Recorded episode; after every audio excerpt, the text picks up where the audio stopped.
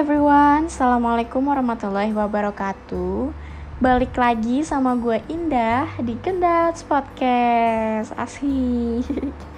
Oke, setelah kemarin di episode sebelumnya atau episode 1 Gue cerita bagaimana awal mula kenapa gue bisa kerja di luar negeri. Dan sekarang gue mau lanjutin di episode yang kedua ini Gue mau cerita apa aja sih yang gue kerjain dan gue lakukan di sana langsung aja kali ya. Nah, jadi di sana itu gue bekerja sebagai KRT kalau kalian masih ingat di podcast episode 1 gue udah ngasih tahu KRT itu apa dan selain jadi KRT gue juga merangkap sebagai aspri atau asisten pribadinya ibu dubes di sana. Jadi pekerjaan gue sehari-hari itu sih alhamdulillah santai ya kayak ngontrol rumah juga ikut ngebersihin rumah dan kadang juga dari kantor atau KBRI ngasih kerjaan untuk buat laporan kegiatannya ibu dubes gitu. Kadang juga gue ngerjainnya di rumah atau di wisma.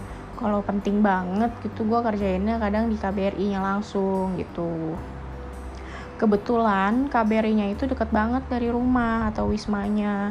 Jadi biasanya gue kalau ke sana tuh jalan kaki karena posisinya itu ada di jalan belakang di deket wismanya gitu. Paham gak sih?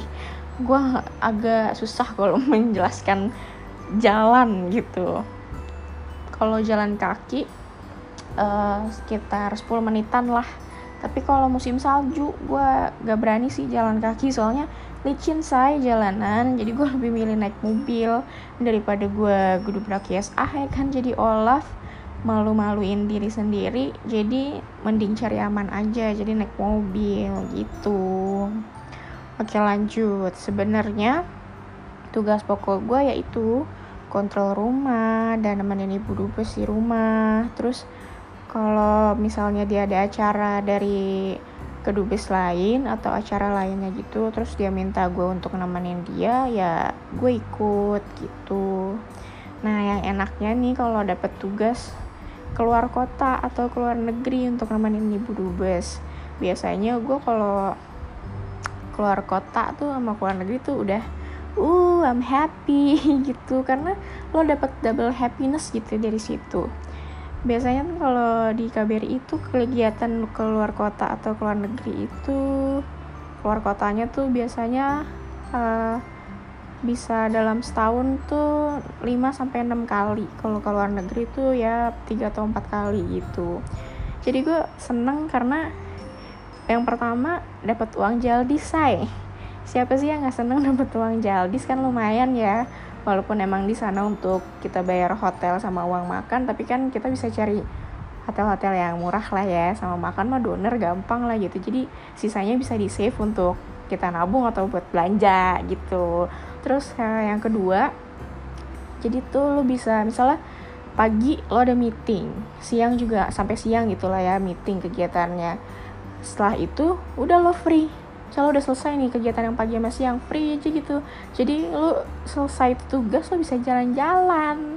Jadi lu dapat double happiness kan udah dapat uang jalbis terus lu bisa jalan-jalan pula kayak gitulah istilahnya. Jadi ya dinikmatin aja gitu. Terus apa lagi ya?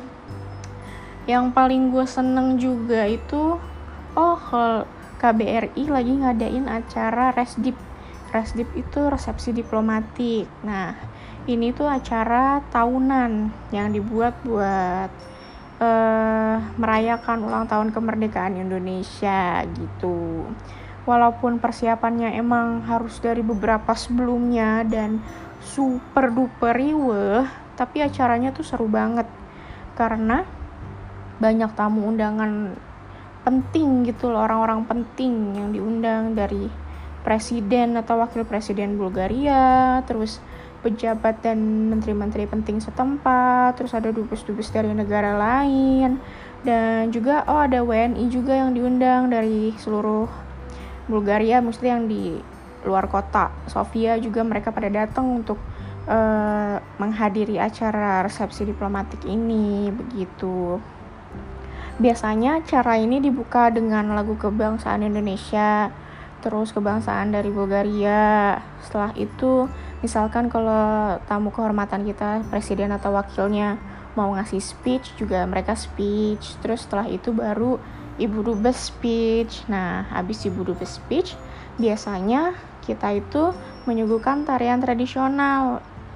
Nah yang ditampilkan itu biasanya tarian-tarian tradisional yang dibawain sama PMN PMN tuh adalah grup tari isinya tuh mahasiswa asli dari Bulgaria yang belajar tarian tradisional Indonesia gitu. Jadi mereka deh tuh yang nampilin si bule-bule dari Bulgaria ini yang tari yang nampilin tarian tradisional Indonesia.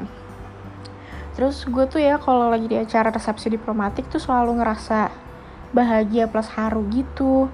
Soalnya bangga aja gitu tarian tradisional Indonesia atau budaya kita tuh bisa dilihat dan ditampilin di negara lain gitu loh maksudnya ya di luar negeri gitu. Dan mereka para bule-bule ini biasanya pada takjub gitu dan sangat senang gitu ngeliat aneka ragam budaya Indonesia. Oh iya di resepsi diplomatik ini juga kita nyajiin ini makanan makanan Indonesia gitu ya kayak rendang nasi kuning pokoknya lengkap deh sama jajanan-jajanannya gitu. Gitu. Kita tuh dapat bahan buat makan eh pemasak bahan eh makanannya ini biasanya bawa langsung dari Indonesia entah itu via kargo atau nitip dari staff yang lagi cuti ke Indonesia untuk nitip bawain bahan-bahan gitulah. Pokoknya seru deh pokoknya. Terus yang bikin bangganya lagi nih balik lagi uh, yang bawain tariannya ini kan bule-bule Bulgaria asli. Jadi mereka tuh yang nonton juga wah ternyata orang lain juga bisa gitu ya belajar tarian tradisional Indonesia yang dilihatnya tuh sulit gitu mereka tuh bangga banget gitu ngeliatnya pokoknya ya haru deh terus seru deh pokoknya gitu. Terus aku mau cerita lagi tentang ruang lingkup di sana di KBRI Sofia. Ruang lingkupnya sih alhamdulillah orang-orangnya enak ya dan asik semua dan masih pada muda kebanyakan. Jadi ya masih kok bisa asik-asik bareng deh kalau di luar jam kantor gitu dari lokal staffnya yang orang Indonesia sama lokal staff yang orang Bulgarianya itu asik-asik. Dan home staffnya pun sendiri mereka juga asik-asik. Oh ya home staff itu orang-orang diplomatnya biasanya dari Kemlu mereka itu. Jadi mereka itu bekerja ada fungsi-fungsi khususnya kayak di fungsi politik, ekonomi, komunikasi, terus bagian konsuler administrasi gitu deh pokoknya. Terus intinya itu kalau kerja di luar negeri nih ya apalagi di KBRI kayak gini kita tuh harus saling bantu dalam hal apa pun. Pokoknya jangan gengsi deh mau nanya ini kerjaannya apa itu itu. Pokoknya kita saling istilahnya ringan tangan lah gitu bukan ringan tangan yang, yang itulah pokoknya bantu gitulah ya. Kalau dimintain tolong sesuatu apa pun itu dari hal yang belum pernah kita lakuin pun coba aja dijalani. Nanti lama kelamaan kan juga jadi ngerti terus bisa jadi nambah wawasan buat kita juga nambah pengalaman juga gitu. Pokoknya banyak banget sih pengalaman yang gue dapet ikut kerja dengan KBRI ini. Pokoknya ilmunya dapet pengalamannya dapet dapet terus bisa jalan-jalan plus liburannya juga dapet dan ketemu sama orang-orang baru yang baik-baik juga. Tapi emang ada kalanya sih saat lo lagi kangen banget sama tanah air gitu misalnya lagi homesick gitu berasa banget juga sih. Kalau gue sih biasanya kalau lagi homesick tuh ya gue telepon orang tua gue teman-teman gue dan orang-orang terdekat gue cuma sekedar untuk bercerita aja gitu. Kalau misalkan gue lagi ya lagi homesick bla bla bla gitu deh ya. Oh iya perbedaan waktu di Bulgaria dan Indonesia itu kalau lagi musim dingin tuh 4 jam. Tapi kalau lagi musim panas bedanya itu 5 jam. Jadi lumayan kan perbedaannya. Hmm, ngomongin perbedaan jam gue baru inget gue jadi mau bahas pas bulan Ramadan di Bulgaria.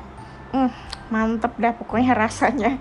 Waktunya tuh di sini puasa di sini salah. Maksudnya di Bulgaria itu lamanya wow gitu ya emang sih masih ada negara yang lebih lama lagi jam puasanya cuma kalau buat gue ya yang biasanya di Indonesia puasa 13 jam gitulah ya ini gue di sana tuh puasa bisa sampai 17 sampai 18 jam say.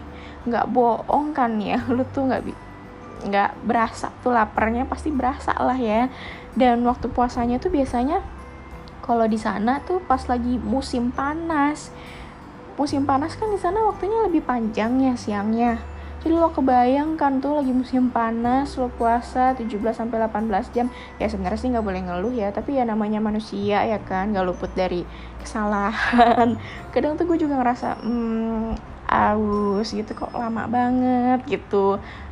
Di kan baru terbenam tuh matahari jam setengah sepuluh malam. Masa harusnya udah jam setengah sepuluh malam ini tuh baru terbenam matahari baru maghribnya tuh jam setengah sepuluh. Kayak gitu. Jadi ya waktu awal-awal sih ya agak kaget juga sih gue ya. Tapi lama kelamaan alhamdulillah bisa menyesuaikan gitu. Tapi di sana tuh jam imsaknya juga cepet sih. Di antara jam 3 atau jam setengah 4 itu tuh udah imsak. Jadi kebayang gak sih lo yang baru buka puasa misalnya lo makan jam 10 terus lo udah harus bangun lagi sekitar jam 2 untuk makan itu perutnya berasa masih begah banget itu. Awal-awal gue sih masih sahur ya ya semingguan gitu.